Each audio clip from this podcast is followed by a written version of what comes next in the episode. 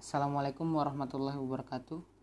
Halo, nama saya Muhammad Dafaki Mirza dari kelas 10 IPA 3 SMA Negeri 11 Depok. Pada kesempatan kali ini saya ingin menjelaskan tentang virus yang bernama paramyxovirus. Jadi, paramyxovirus merupakan virus yang induk semangnya hewan dan manusia. Virus yang tergolong ke dalam familia, familia ini memiliki ciri-ciri.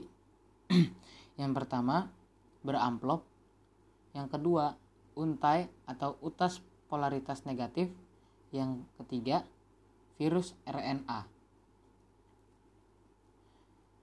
Virus paramyxovirus merupakan virus berasam inti RNA. Virus RNA diketahui sangat mudah mengalami mutasi dan kebanyakan perubahan genom dari virus RNA yang tidak bersegmen disebabkan oleh kesalahan polimerisasi oleh enzim polimerase atau karena adanya rekombinasi asam nukleat. Paramyxovirus dapat menyebabkan penyakit penyakit gondong, infeksi virus Nipah, dan virus Hendra yang bersifat zoonotik.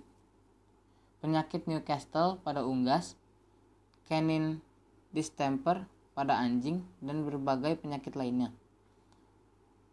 Paramyxovirus juga merupakan virus RNA yang mempunyai yang punya genom untai tunggal atau single stranded dengan polaritas negatif. Paramyxovirus berbentuk sangat pleomorfik atau biasanya bentuknya bulat dengan berdiameter kira-kira 100 sampai 500 nm. Namun ada juga yang berbentuk filamen. Di bagian luar dari asam inti terdapat lapisan yang disebut kapsid. Gabungan asam inti kapsid disebut juga nuk nukleokapsid.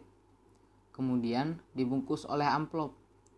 Nah, amplop ini tersusun atas lipida, protein, dan juga karbohidrat. Jadi sekian penjelasan yang dapat saya sampaikan. Mudah-mudahan pesan yang saya sampaikan bermanfaat. Assalamualaikum warahmatullahi wabarakatuh.